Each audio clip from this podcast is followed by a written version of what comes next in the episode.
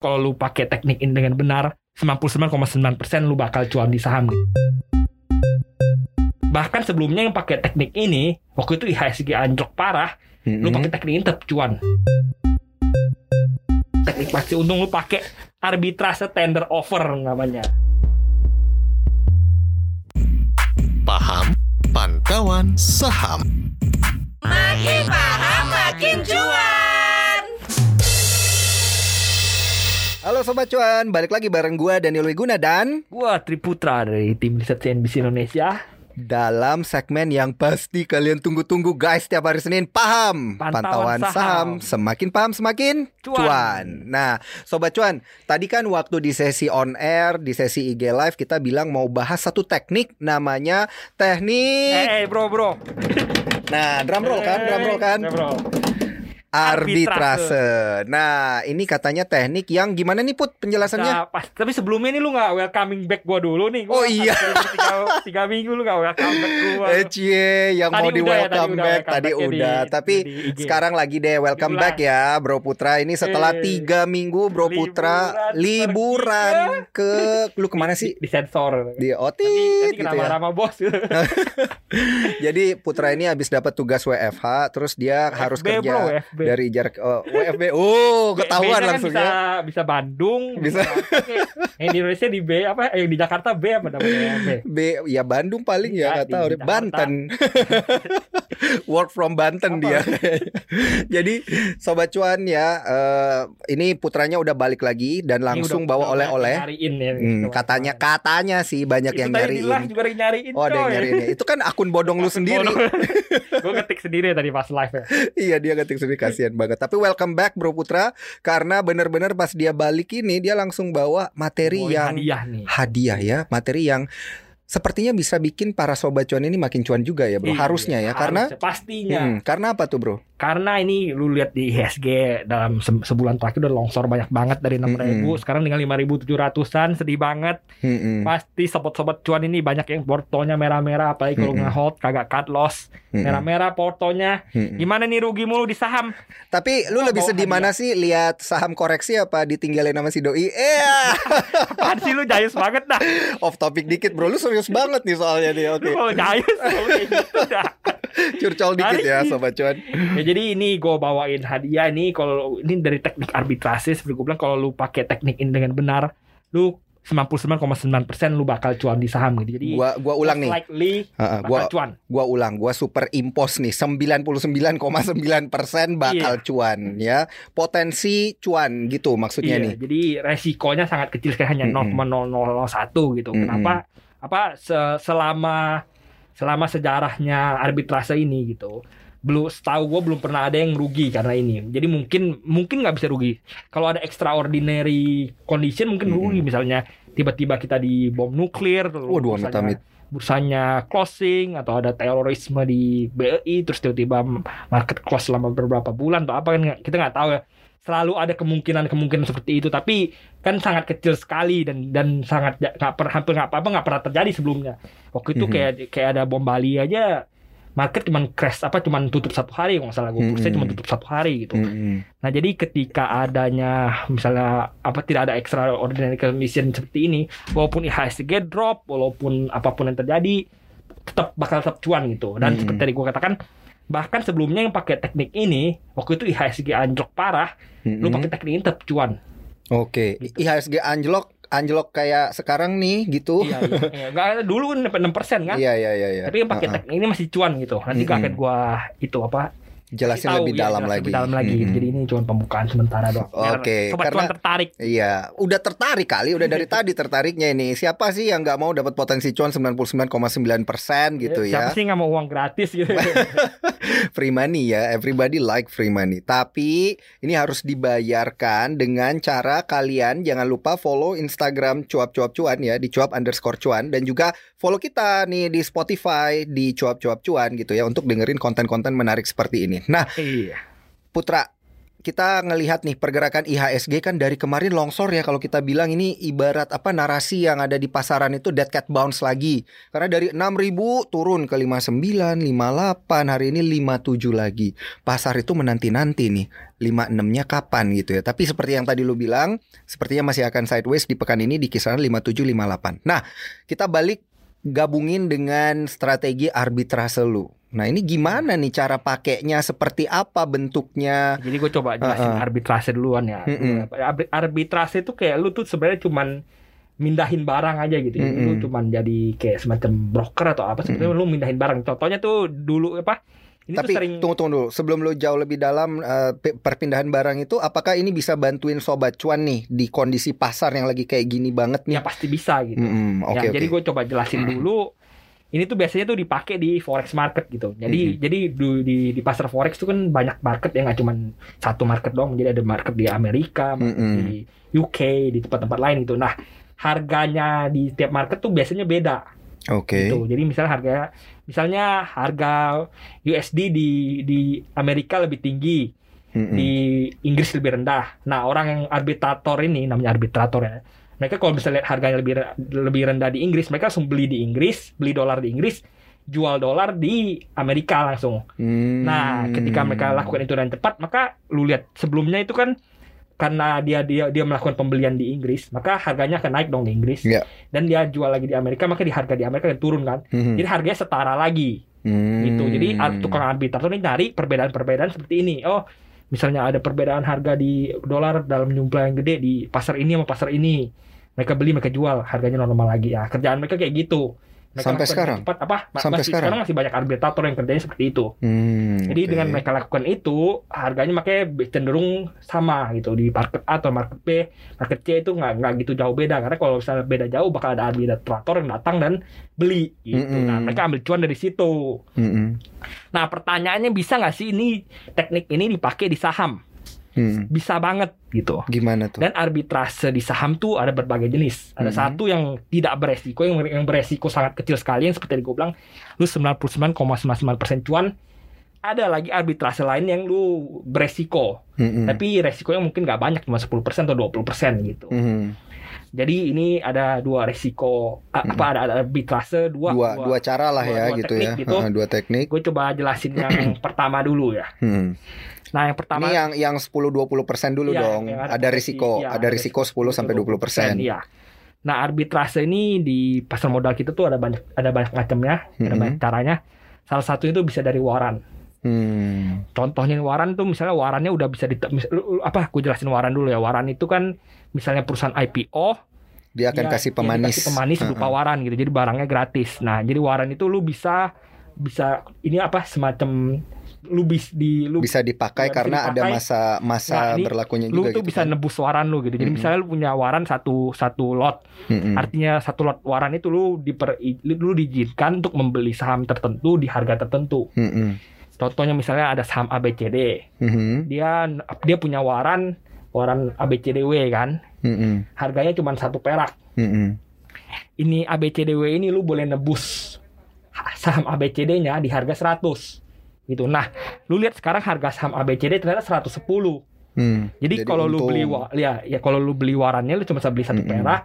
Lu beli apa? Lu tebus berarti modal lu lu keluar satu satu perak kan. Mm-mm. terus lu jual abis lu tebus lu jual di pasar untung 9 reguler lu perak. untuk 9 Hmm. perak gitu nah di pasar modal kita banyak kadang-kadang ada yang harga warannya nggak sesuai sama harga induknya gitu jadi kalau mau Hmm. arbitrase di waran bisa tapi ini beresiko Hmm. kenapa karena bisa aja ketika lu beli kan kita tahu re, apa prosesnya lama ya Mhm. apalagi kalau lu broker retail biasanya lu suka dikacangin kalau lu mau tebus waran atau apa segala prosesnya agak lama biasanya satu atau dua hari Oke. Nah, ketika lu beli satu dua hari lu tebus, harga Udah induknya turun. Nah, lu Heeh. jadi rugi. Jadi ini ada potensi rugi kalau kalau lu arbitrase dalam seperti ini gitu. Mm-mm. Tapi kalau misalnya lu lu lakukan dengan benar, biasanya har- harganya nggak bakal turun gitu. Misalnya apa dilakukan dengan cepat gitu. Mm-mm. Dilakukan dengan cepat itu gimana tuh caranya tuh lu supaya bisa mungkin lu cepat? neken-neken broker lu supaya cepat atau gimana. Tapi Dilakukan yang- dengan yang- cara meneror broker gitu ya.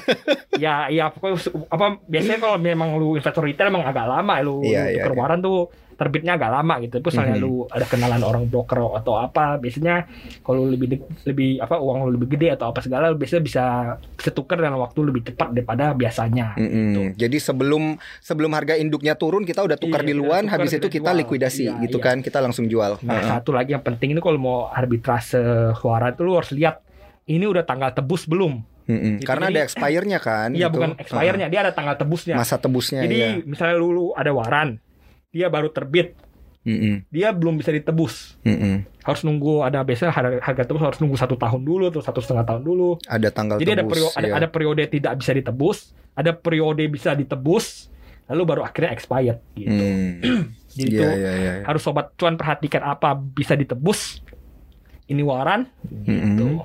Mm-mm, itu dulu ya yang diperhatikan expire-nya kapan dan lain sebagainya. Nah, kalau kita lihat perdagangan waran sendiri dan kemudian ternyata bisa diarbitrase gitu. Dan Iya. kemudian investor retail ini pengen nyoba gitu kayak gue kan gue penasaran ya aduh masa gue dengerin lu doang sih gue pengen coba gitu dan gue teror lah broker gue eh bantuin gue nih transaksi waran itu gimana caranya harus buy aplikasi Atau harus biasanya seperti ini apa? tergantung broker lu gitu. Jadi Ha-ha. biasanya kalau kayak sekuritas yang gede kayak kayak misalnya Mirai Aset Ha-ha. atau apa segala PD kalau nggak salah gue tuh juga bisa tuh bisa buy online. oke Jadi lu beli pakai waran handphone juga iya, bisa online. Lu Ha-ha. pakai handphone lu beli warannya lu langsung pencet di HP-nya lu mau eksekusi warannya Hmm. gitu. Biasanya satu dua hari bisa terbit dalam bentuk induk.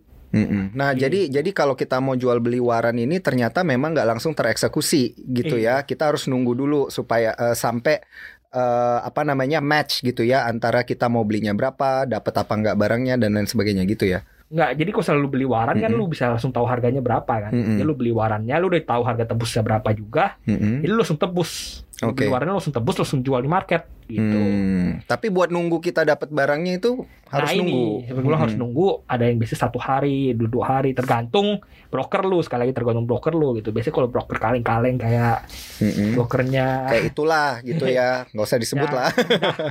ya kayak itulah. Iya, broker Ah, itu yang biasanya nggak bisa rack isu kan ada tuh Mm-mm. broker Iya, iya. broker baru tuh yang Ah, yang, ah. Yang Iya. brand ambasadornya orang asing itu. Oh, yang mukanya mirip lu ya, cie. ya gitu ya Yang- yang sobat brand cuan. Mm-mm. Ya itu satu itu biasanya kalau broker-broker kayak gitu biasanya lama bahkan nggak bisa tebus waran sama sekali rack isu aja kagak bisa gitu. Jadi Mm-mm. Kalau selalu pakai broker itu ya susah gitu. Jadi tergantung broker. Tadi gue bilang ada yang cepat brokernya proses, ada yang brokernya cepat prosesnya lama Mm-mm. gitu. Nah sekali satu lagi yang perlu lu, lu perhatikan kalau lu Jadi broker yang cepet jangan dulu nih. Ya, ya yang broker yang cepet yang mana nih? ya, seperti gue udah bilang biasanya Mirai Aset itu lumayan. Iya oke. iya iya. Pokoknya yang M- MKBD-nya gede lah ya. NKBD-nya gede, Mandiri Sekuritas itu biasanya lebih lebih cepat dibandingkan dengan broker-broker kaleng-kaleng yang NKBD-nya kecil. Mm-mm. Tapi banyak melayani retail ya karena Hmm. bule itu yang Oh gitu, gitulah ya. bule siapa? ya itulah temen lu. eh, jadi tadi yang lu bilang satu hal yang penting yang perlu kita perhatikan kalau Ah, kita ini mau sekali. eksekusi waran itu. Biasanya ini waran itu tuh lebih liar dibandingkan dengan induknya Mm-mm. gitu. Contohnya kemarin paling gampang kemarin INPC itu tuh warannya Mm-mm. lebih rendah daripada induknya. Jadi ketika apa waran tambah harga tebus lebih rendah daripada induk.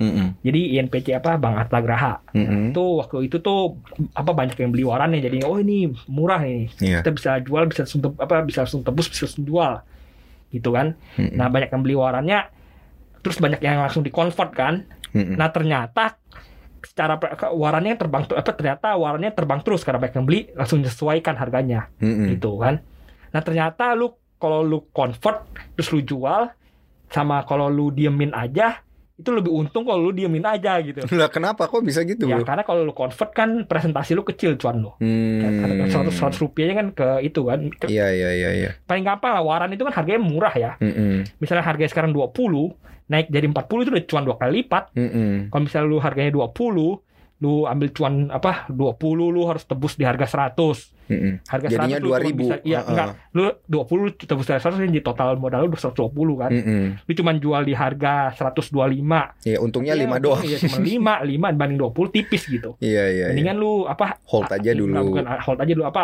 potensi ada potensi warannya kembali ke harga wajarnya gitu. Hmm, oke oke. Jadi itu yang diperhatikan para pelaku pasar belum tentu kalau tebus lebih untung. Biasanya kalau nggak ditebus lebih untung. Banyak kejadian kayak gitu. Warannya malah terbang Naik, sesuai harga iya, normal iya, iya. gitu. Jadi nggak harus lu harus tebus gitu. Hmm. Bisa aja lu beli warannya karena lu lihat oh ini masih apa murah karena induknya terbang gitu. Mm-mm. Terus waran juga terbang lu langsung jual gitu. Atau Hmm. misalnya warannya tetap terbang lu buru-buru tuker lu jual di induk gitu. Mm-mm. Nah, pertanyaannya adalah apakah semua company itu mengeluarkan waran kan enggak Yang gitu enggak, ya. Ada yang keluarin, ada yang enggak. Nah, hot stock hot stock big uh, blue chip gitu, big uh, big caps big caps itu bisa nggak tuh pakai strategi wa- caps, big uh, arbitrase? Big cap, big cap itu biasanya nggak ada waran. Udah nggak ada waran, Nggak ada gitu ya. Karena waran itu kan cuma dua tahun berlaku sejak Mm-mm. di IPO doang kan. Nah, jadi sektor mana nih saham-saham kayak gimana nih yang warannya Ya, masih saham-saham yang banyak untuk biasanya baru diperhatikan? isu kalau lu Mm-mm. ba- saham baru rek isu itu terbitin waran juga ada yang Mm-mm. terbitin ada yang enggak gitu jadi Mm-mm. pemanis buat investor nebus rek isu dikasih waran gitu jadi ada ada perusahaan-perusahaan yang nerbitin waran gitu Mm-mm. tapi ya kalau mau ngomong perusahaan bucip jarang banget ada yang terbitin waran Mm-mm. waran tuh pemanis Iya, Kalau saham iya, bucip udah manis ngapain kasih pemanis diabetes Oh, nanti? kalau koreksi, koreksi mulu gitu ini kok. Aja, Aduh, kok kayaknya pahit banget gitu ya. Karena berasa koreksinya, Bro. ya seperti yang gue bilang tadi ini kalau misalnya lu mau ngomong rek isu perusahaan gede Orang pasti tebus Iya, iya, iya, takut iya, gitu. Kalau soal perusahaan agak kaleng-kaleng ya kasih pemanis dikit lah waran lah gitu. Ah. Ini waran buat lu dah. Iya. Nah, Gitu. tapi eh, kalau kita melihat perdagangan waran, mau lihat ada waran apa aja listnya, itu bisa ke mana, Bro? lu bisa lihat di broker lu, bisa ada ada lu punya broker apa aplikasi di HP, lu bisa ganti Mhm. jadi Brockway. Hmm, jangan waran. saham aja gitu Iya, ya, lu dirubah jadi cari waran.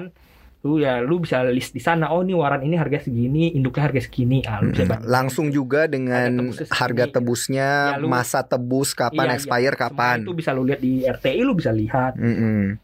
Nah ini harus Gitu. diperhatiin banget nih sama Sobat Cuan untuk pilih yang mana dan juga tanggal-tanggal pentingnya. Nah ini kalau ngelihat eh, perdagangan waran, nah kalau ngelihat perdagangan waran gitu bro, ini di yang menarik untuk kita arbitrasekan itu lu udah pernah pantau belum ada di ada di sektor-sektor apa Ya, gitu, tadi- tadi saham berbasis apa? Salah satunya itu INPC kemarin itu sempat warannya menarik karena di Mm-mm. apa harga harga tebus tambah harga warannya lebih mahal harga induk gitu. Mm-mm. Sa- Kemarin ya. Iya. Sekarang Hari ini udah beda. Udah beda. ya. Udah telat.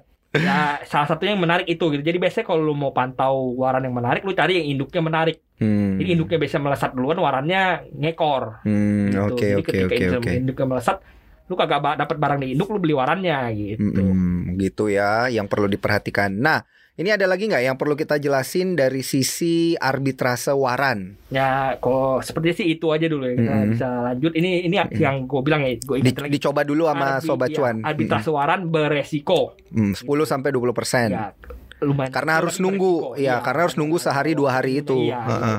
Kalau lu pencet waran langsung bisa terkonversi, resikonya makin turun. Iya, Mungkin langsung 1%, dapat barang iya, gitu ya. Barang langsung mungkin resikonya agak kecil gitu, lebih Mm-mm. kecil daripada karena lu harus nunggu gitu. Mm-mm.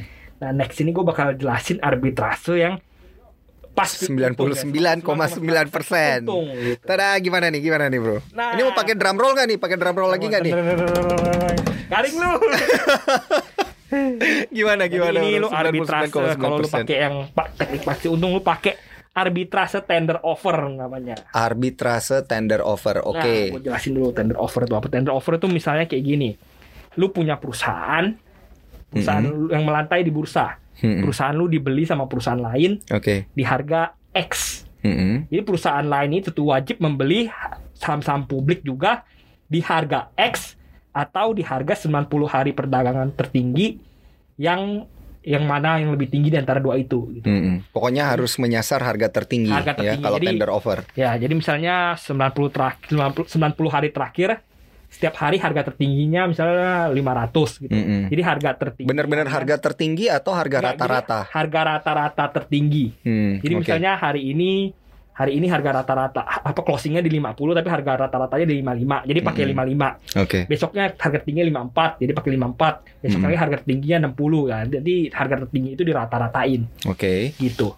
Jadi akan dipakai itu dan dibandingin misalnya dia belinya cuma ti- 50 atau 49 sedangkan harga rata-rata tertinggi 55 harus pakai 45 55 Harus gitu, pakai yang 55. Oke. tertinggi Heeh. gitu. Jadi nggak boleh lu itu nggak boleh apa Yang terendah nggak boleh pakai yang daripada terendah walaupun dia belinya cuma satu rupiah tapi di marketnya harga rata tertinggi 50 lu harus tetap, tetap pakai 50. peraturan Heeh. OJK-nya kayak gitu Mm-mm. gitu Jadi ketika ini tender offer, misalnya tender offer diumumkan di harga 200, Mm-mm. di harga 200, biasanya market bakal narik langsung ke harga deket 200 Hmm. gitu. Kenapa nggak ke 200? Karena kalau 200 itu lu harus nunggu. Nunggu apa Kan- tuh? Ya kan lu kan kalau tender offer kan nggak bisa langsung cair jadi duit, harus nunggu berapa minggu, berapa bulan gitu. Sampai tender offernya Sampai terjadi tender offer resmi. terjadi, resmi Ha-ha, terjadi, terus pembayaran uang kan ada ada tender offer, barangnya diambil terus uangnya dibayarkan. Mm-mm. Ada ada waktu tung, tu- waktu tenggangnya gitu. Iya iya iya. Nah, jadi ada beberapa investor yang rela jual "Oh, udahlah tender offer di 200 gue jual di 197 aja lah. Yang penting gue dapat cash sekarang gitu. Iya iya iya. iya. Nah, potensi ke- keuntungan ketika lu beli di 197. Jadi lu gantiin lu gantiin orang itu yang nggak mau nunggu, lu beli gitu. Hmm. Lu beli ya udah lu nunggu berapa ha- berapa bulan, berapa minggu bisa cuan satu persen, dua persen gitu. Biasanya itu apa cuan-cuan lu di kalau lu pakai arbitrase dari offer base segitu satu dua persenan gitu. Hmm. Lumayan lah daripada lu manyun iya, kan. iya lumayan daripada manyun koreksi 1 2% mending udah pasti Iya. untung ya 1 2%. Ya, memang kecil, Mm-mm. tapi sebenarnya ini menarik gitu. Kalau kan lu Mm-mm. bayangin, lu kalau misalnya deposito itu cuma 4% satu tahun. Mm-mm. Ini dua persen lu cuma nunggu satu bulanan doang nggak menarik. Satu setengah persen satu bulanan doang kan sebenarnya menarik kan. Mm-mm, menarik. Yang penting kan kepastiannya Ya, nih pasti 99. cuan, gitu kan. Iya. Sama persen pasti Ah, cuan gitu. iya. Lu cuma butuh Jadi- nunggu aja gitu. Jadi sebenarnya sebenarnya ini nggak ada magicnya juga ya. Yang penting sobat cuan ini mengerti mekanisme Iya, tender offer ngerti, itu iya, dan ya udah ambil aja nih, ambil aja nih barang-barang dari para investor yang nggak mau nunggu Iya. gitu kan. Sebenarnya bukan sulap bukan sihir gitu. Tapi nggak menyalahi mm-mm. juga karena banyak yang seperti itu gitu. Mm-mm. Nah. Kan kalau lu lihat di saham-saham tender offer, biasa bid dan offer tebelnya minta ampun. Hmm. Kayak dijagain sama badan, padahal bukan dijagain sama badan, dijagain sama arbitrator gitu. Iya, dijagain supaya harganya di sana bukan gitu ya. dijagain apa di bawah itu banyak yang mau beli karena harganya nggak mungkin turun lah orang Iya, ada, iya. ada yang siap beli di atas kok bisa turun lagi nggak nggak Mm-mm. mungkin turun gitu Mm-mm. Sedangkan dia di, dijagain di atas apa di, di offernya dijual karena orang nggak mau nunggu ah, ini kelamaan dah mending gua jual di sini sekarang gua dapet cash gua mau belanjain atau apa Mm-mm. nah kita Oh, kasih gitu. next gua kasih contoh-contoh saham-saham yang pernah tender offer dan lu bisa cuan di sini secara arbitrator secara Mm-mm. arbitrasi Nah, langsung prakteknya seperti Langsung apa tuh, Bro? praktek Yang pertama itu yang paling terkenal tuh BNLI ya Bang Permata Mm-mm. kemarin dicapok sama Bang Bangkok kan Mm-mm. itu kalau lu lihat di apa di kapoknya itu tuh di harga 1347 Oke. 1347 tuh periodenya tuh dari dua apa akhir Agustus ya 27 bulan 8 akhir Agustus sampai 25 bulan 9 Mm-mm. akhir apa namanya Sebulan September. lah, sebulan, sebulan, biasanya sebulan. biasanya ber- berkisar Cuman antara sebulan. sebulan gitu. Mm-mm. Nah kalau lihat harganya BNLI lu lihat harga Bank Permata Di rentang di sebulan rentang itu. itu itu rata banget Heeh. kalau belum bisa rata banget. Jadi hanya gerak di antara 13 25 13 30 13 25 13 30 gitu. dijagain em, ini Iya. karena dijagain sama market makernya ya. Bukan dijagain juga karena emang dijagain sama arbitrator ada orang ada orang yang mau nampung di bawah gitu. Mm-mm. Nah, katakan lu bisa beli di 1325. Ini tiap hari kan closingnya rata-rata di 1325 1325 gitu kan. Mm-mm. Katakan lu bisa closing closing di 1325 artinya lu kan bisa cuan 1347 kurang 1325. Lu bisa cuan 22 perak. Hmm. Nah, 22 perak ini berarti kan satu artinya 0,16 persen kan, Mm-mm. 1,6 persen kan. Hmm. Biasanya fee-nya itu tuh kisarannya ya setengah persen. Kalau misalnya lu retail retail kecil, retail retail plankton biasanya fee-nya setengah persen. Kalau Misalnya lu emang mainnya gede, biasanya cuma bisa apa fee-nya bisa turun jadi 0,3, 0,4 ya katakanlah pukul rata lah fee-nya Ah, ah. setengah persen.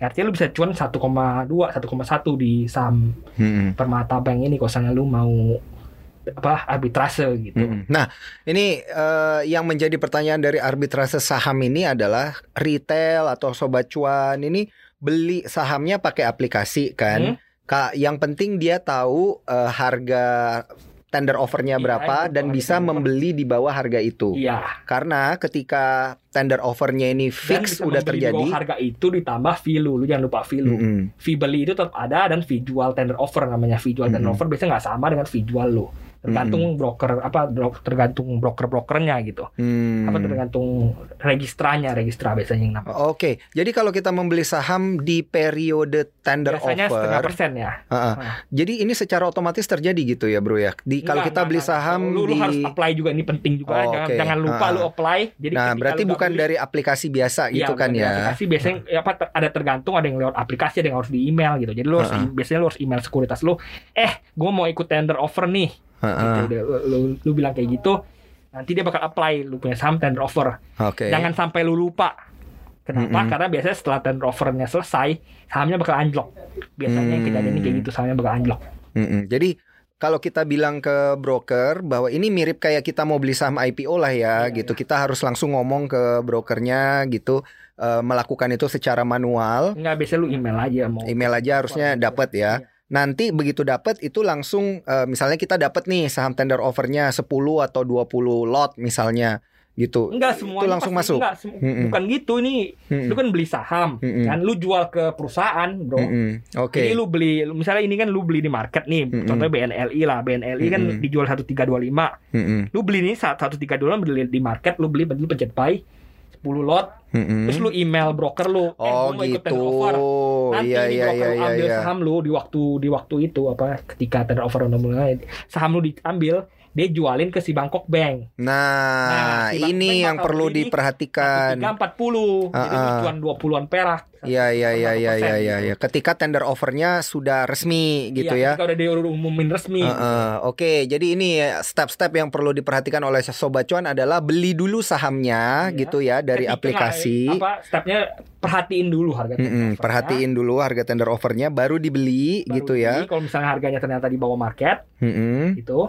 Ya supaya bisa cuan gitu kan. Nah, betul. baru setelah itu di step ketiga adalah ngomong nih ke brokernya mau Iya, ikut iya, tender iya, offer. offer. Maka secara otomatis nanti broker akan ngambil itu saham yang ada di aplikasi kita untuk diikutkan ke tender offer. Iya. Makanya fee-nya bisa berbeda gitu Iya, ya. fee-nya Lebih tinggi daripada transaksi biasa. Enggak, biasanya Mm-mm. lebih tinggi emang, tapi ya setiap tender offer biasanya fee-nya berbeda. Hmm, Karena setiap tender oke. offer diurus sama registra yang berbeda, registra yang berbeda biasanya bisa ngasih fee yang berbeda.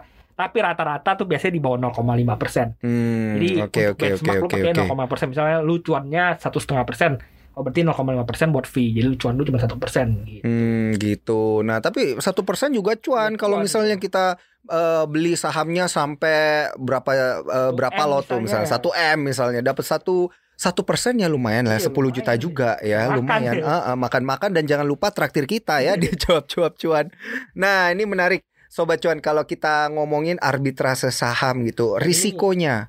Apa resikonya ini tergolong rendah gitu. Mm-mm. Jadi se- setahu gua ketika ini lu udah diumumin, Mm-mm. udah diumumin harga segini itu nggak bakal ke mana-mana. Hmm. Apa cuman bakal apa mereka tuh biasa udah taruh di escrow account, jadi udah takut taruh uangnya di third party gitu. Jadi Mm-mm. apa pun terjadi ya bakal bakal ini harga bakal dibeli di harga segitu ketika ini apa ketika tanggalnya tiba ya bakal dibeli di harga segitu gitu. Hmm, Bahkan oke. ini ketika BNLI tender offer itu kok nggak salah gue tuh market sempat crash. Mm-mm. Coba lu cek benar atau enggak ketika BNLI tender offer di 8 8 apa Agustus September, September tuh market sempat crash. Mm-mm. Market sempat crash tapi harga BNLI nggak ke mana-mana. Hmm, Kenapa? karena Karena ya- itu dijaga nama arbitrator Iya, yang lu bilang kan. arbitrator sudah, udah siap beli gitu. Lu turun ya gue beli makin banyak malah gue dengan senang hati beli gitu. Mm-mm. karena dapat cuan gitu. Iya ya, karena sudah ada yang standby nih mau beli di harga atas gitu ya. Iya. Ah, iya sih emang sideways sih ini tahun lalu ya. Ini dari Juli, Agustus, September, Oktober itu dia sideways di sana tapi nggak anjlok nih bro terbang. Ini, ini, sempat anjlok kan lu lihat nih. Iya, anjlok dikit Nah, gitu ini- kan. nah, ya karena tender offernya berakhir. Ya, Hmm. Makanya lu jangan hati-hati bisa aja anjlok lanjut anjlok terus gitu. Jadi Hmm. ketika nih lu udah tender offer, lu jangan sampai lupa buat apply ke sekuritas lo. Hmm, apa yang harus Langsung. di-apply? Ya itu apply tender offer bilang Oke. ikut tender offer. Nah, gitu. jadi kalau misalnya tender offer sudah selesai gitu, kan kita juga sahamnya udah kejual sama Iya, mereka iya, kan, iya. Makanya langsung biasanya- cuan. Ya langsung cuan. Oke. Jadi makanya biasanya setelah itu anjlok karena nggak ada yang jagain lagi karena nggak ada nggak ada Iya, iya. arbitator yang jagain. Tapi berarti itu udah kita udah nggak ada di sana dong, karena Itu kan udah kejual ada. semua Makanya kan. jangan sampai lupa sekali lagi. Iya iya iya Jadi iya. ada iya. orang yang lupa rugi karena ya Hmm. setelah tender offer harganya biasanya tidak anjlok gitu. Orang-orang yang lupa, orang-orang yang tidak Mm-mm. melakukan tender offer gitu. Nah, Hmm, gitu ini ya. Harus diperhatikan sobat cuan. Nah, ini nih seperti tadi gue bilang tadi ini, Mm-mm. ini HSG sempat drop 2 persenan.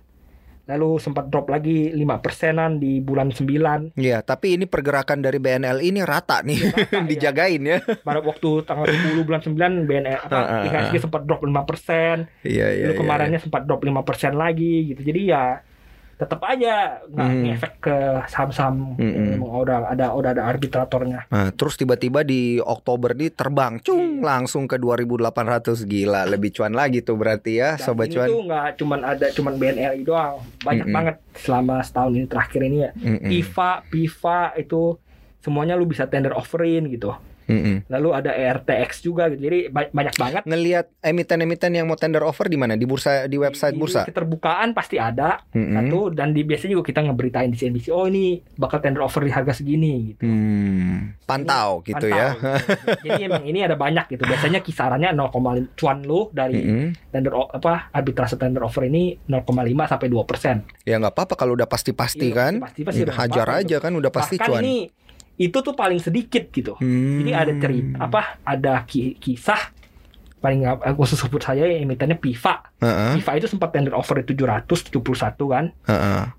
Kemarin itu dijagain di harga 700 sekitaran itu. Oke. Nah, tapi ternyata saham-saham farmasi lain lagi digoreng. Iya. Jadi TIFA tuh banyak yang beli. Heeh. Jadi ketika ada banyak yang beli harganya naik gitu. Yang, Iya. ju- yang jualan dimakan semua sama orang gitu. Mm-mm. Padahal apa mereka mereka Waduh, mau jual jebol. Iya, jebol. Di, yang atas dijebol.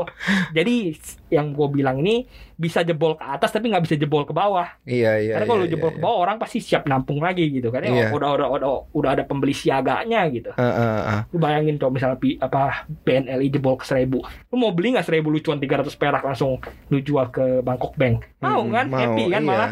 Heeh, heeh. Wah, itu jadi menarik bisa ya. gue bilang bisa kemungkinan besar memang bisa jebol ke atas walaupun jarang ada yang bisa jebol ke atas tapi sangat jarang sekali yang bisa sampai jebol ke bawah gitu. Mm-mm. Wah, menarik nih untuk diperhatikan. Jadi jangan lupa sobat cuan ya, perhatikan di keterbukaan informasi di bursa atau di website cnbcindonesia.com. Mungkin Putra akan menulis nih emiten mana yang Dan selanjutnya akan ada. melakukan. Nah, Jreng, jreng, siapa jreng. siapa? Dan ini Drum roll. ini drum roll. Siapa itu? next lagi gue next dulu ya. Oh, belum ya, belum. Oke. Gue mau bilang dulu Heeh. ini tuh misalnya ada sobat cuan yang nggak terima nih, eh udah masih cuma cuan satu persen dua persen dana gue kan cuma satu juta dua juta, gue mau cuan lebih gede lagi. Ya, gimana tuh? nggak mau nih gitu saya nggak nggak terima sama gua karena cuan cuma dikit nah gue bisa ajarin lagi satu teknik ten apa arbitrase tender offer tapi lebih beresiko Heeh. Tapi mungkin 90% apa 10% resikonya 5 sampai 10% resikonya lebih kecil tapi ada resiko yang kalau tadi kan sangat aman sekali Mm-mm. kalau ini ada resiko Mm-mm. gimana cara resikonya ternyata lu hitung sendiri Oke. contohnya misalnya kalau misalnya lu udah udah apa misalnya lu di saham-saham sebelum-sebelumnya kan kan harganya tuh udah ada gitu Iya. ngerti nggak Heeh. sudah pasti harganya di entah di harga pembelian Mm-mm. di mana lu bisa lihat harga pembeliannya berapa di keterbukaan atau harga rata-rata tertinggi 90 hari terakhir Mm-mm. di mana lu bisa hitung sendiri harganya Mm-mm. gitu ngerti nggak Mm-mm. jadi kalau misalnya lu mau ber- lebih beresiko ya lu hitung oh lu lihat oh ini saham ABCD dicaplok sama Bangkok Bank di harga 100 harga rata-rata terakhir 90 berarti tender offernya di 100 gitu Mm. nah berarti lu lihat harga market oh sekarang masih 80 bisa cuan 20 perak nih Mm-mm. Beli. bisa bisa beli gitu Heeh. tapi ya ini beresiko Oke. Kenapa? Karena pernah ada kejadian perusahaan yang lama itu ternyata mereka nggak mau tender offer di harga 90 hari terakhir gitu. Pernah ada kejadian. Batal gitu ya. Nggak pernah ada kayak gini gue ceritain dulu gue lupa, agak lupa nama perusahaannya jadi waktu itu dia dia harga harga pasarnya itu seribu misalnya kan katakan Oke. dia cuma beli di harga 200 atau 500 Mm-mm. dan dia nggak mau tender offer di 1000 Waduh. nah udah, udah dia mau melanggar Jadi- peraturan OJK Heeh. Jadi dia dia dia bilangnya dia mau ngotot mau tender offer di 500 karena 500 udah mahal menurut dia Iya. Nah jadi akhirnya mereka apa? Akhirnya pemegang saham minoritasnya ribut-ribut nggak mau masa lu nggak mau ikutin POJK bla bla bla bla bla bla bla. Akhirnya dia tuh menyerah dan dia beli di harga tinggi. Tapi dengan syarat investor-investor yang sudah beli dari lama gitu. Jadi tanggal-tanggal tertentu Hmm. gitu. Jadi Orang yang belinya barusan. nggak dikasih tender offer. Heeh. gitu. Baru kemarin beli kemarin nggak dikasih tender offer. Jadi ada potensi rugi kalau misalnya emitennya ternyata nakal nggak mau tender offer di atas, nggak mau ikutin POJK gitu. Hmm. Tapi jarang. iya iya. Biasanya takut lah dia lawan OJK gitu. iya. Heeh. nggak direstui Apa, OJK takut- berpotensi. takut lawan bursa bukan OJK. Iya, takut iya, iya. Apa? Pokoknya takut lah lawan bursa gitu. Nah jadi ini, nah ini menarik kan nih, pas Mm-mm. line gue nih, Heeh. ada emiten yang baru selesai diakuisisi, Heeh. memang harga marketnya di bawah, apa harga akuisisinya di bawah, tapi harga rata-rata 90 hari terakhir itu di atas.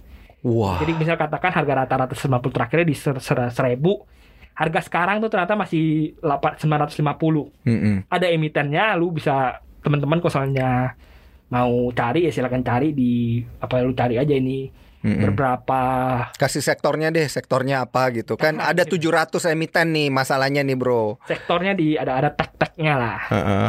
Sektor apa? ya ada tek-teknya teh Teh. Gitu, ada ada ada Oh ada, tech ya. ada toil-toil teknologi sedikit Oh lah oke gitu. siap siap siap. IDX Techno tuh ngomong-ngomong jumlah saham di dalamnya cuma Dikit, 19 iya, loh sobat cuan. Jadi gampang nyarinya. Isinya gorengan semua. Nggak, gue nggak bilang sektor teknonya Oh bukan sektor teknonya, Tapi ada, hubungannya ada- dengan ada tech ya. iya Oke gitu. oke oke. Terus terus ya intinya tuh dia harga 90 ter- hari terakhirnya tuh di atas, di atas. dan di, di atas harga marketnya sekarang. Jadi kalau misalnya Mm-mm. mau ngambil cuan dengan harapan bahwa si pencaploknya ini tidak nakal, dia bakal tender offer sesuai peraturan bursa efek. Ya lu bisa cuan lu lebih gede daripada lu harus nunggu nantinya dia udah umumin. Kalau dia udah umumin harganya bakal naik ke situ. Mm-mm. Iya gitu ya. Oh, jadi ini teka-teki gitu ya buat sobat cuan. Dicari, sumain lu. dicari gitu ya. Jadi ya sobat cuan, ini banyak banget eh, teknik-teknik yang bisa kita apply ini dari satu teknik arbitrase ini. Tadi mulai dari arbitrase waran gitu ya yang risikonya 10 sampai 20%, kemudian ada re- eh, ada arbitrase untuk eh, apa tadi Tender tender over. gitu ya. Ini 99,9% bisa dijalankan. Tapi memang sobat cuan ini harus jeli-jeli ngelihatnya ya sama Iya. Menghitung harus bisa ngitung nih eh, harga 90 hari terakhir rata-ratanya berapa. kalau ini biasanya kalau yang yang low risk Mm-mm. ini udah diumumin harganya berapa. Oke, jadi Jadi- lebih aman Ya, ya. aman lu dari umum lu tinggal hitung aja ini harga marketnya sekarang berapa. Misalnya harga market lima- 500, dia mau tender offer di 550. Ya udah lu beli. Yang ada risikonya ini yang belum ngumumin Iya, gitu ya, ada risikonya yang 10% belum ngumumin, gitu. gitu. ya, 10% ke ke apa risiko Iya, gitu lah tapi kalau potensi emitennya cuannya lebih gede. Ah, Gitu. potensi cuannya juga lebih gede karena kita lebih duluan menghitung Iya, kan, lebih duluan nebak-nebak ya udah beli dulu Iya, gitu. dapat apa enggaknya belakangan. Nah, kurang lebih seperti itu sobat cuan ya yang bisa dimanfaatkan hari ini emitennya apa? Nah, ini yang paling penting kayaknya Ya, terkait bilang ada yang dicaplok satu dan walaupun harga caploknya rendah tapi harga 90 hari terakhir tertingginya itu di atas. Jadi lu ada ada Uh. 30-an poin, 40-an poin dan diambil. sepertinya sudah sering kita bicarakan nih di CNBC Ada nggak Indonesia ya. ada ditulis di CNBC Indonesia. Jangan lupa buka ya website cnbcindonesia.com terus cari namanya Triputra kali aja Bro Putra yang nulis nih. Berita tender offer selanjutnya. Iya, sobat cuan Thank you banget ya. Semoga ini memberikan banyak masukan supaya sobat cuan ini bisa selalu happy cuan apalagi tiap kali habis dengerin segmen paham. Pantauan saham semakin paham semakin Cuan. cuan gitu ya. Sampai jumpa sobat cuan di Senin depan. Jangan lupa dengerin kita selalu di Spotify cuap-cuap cuan. Gua Daniel Wiguna dan Triputra pamit. Bye. Bye.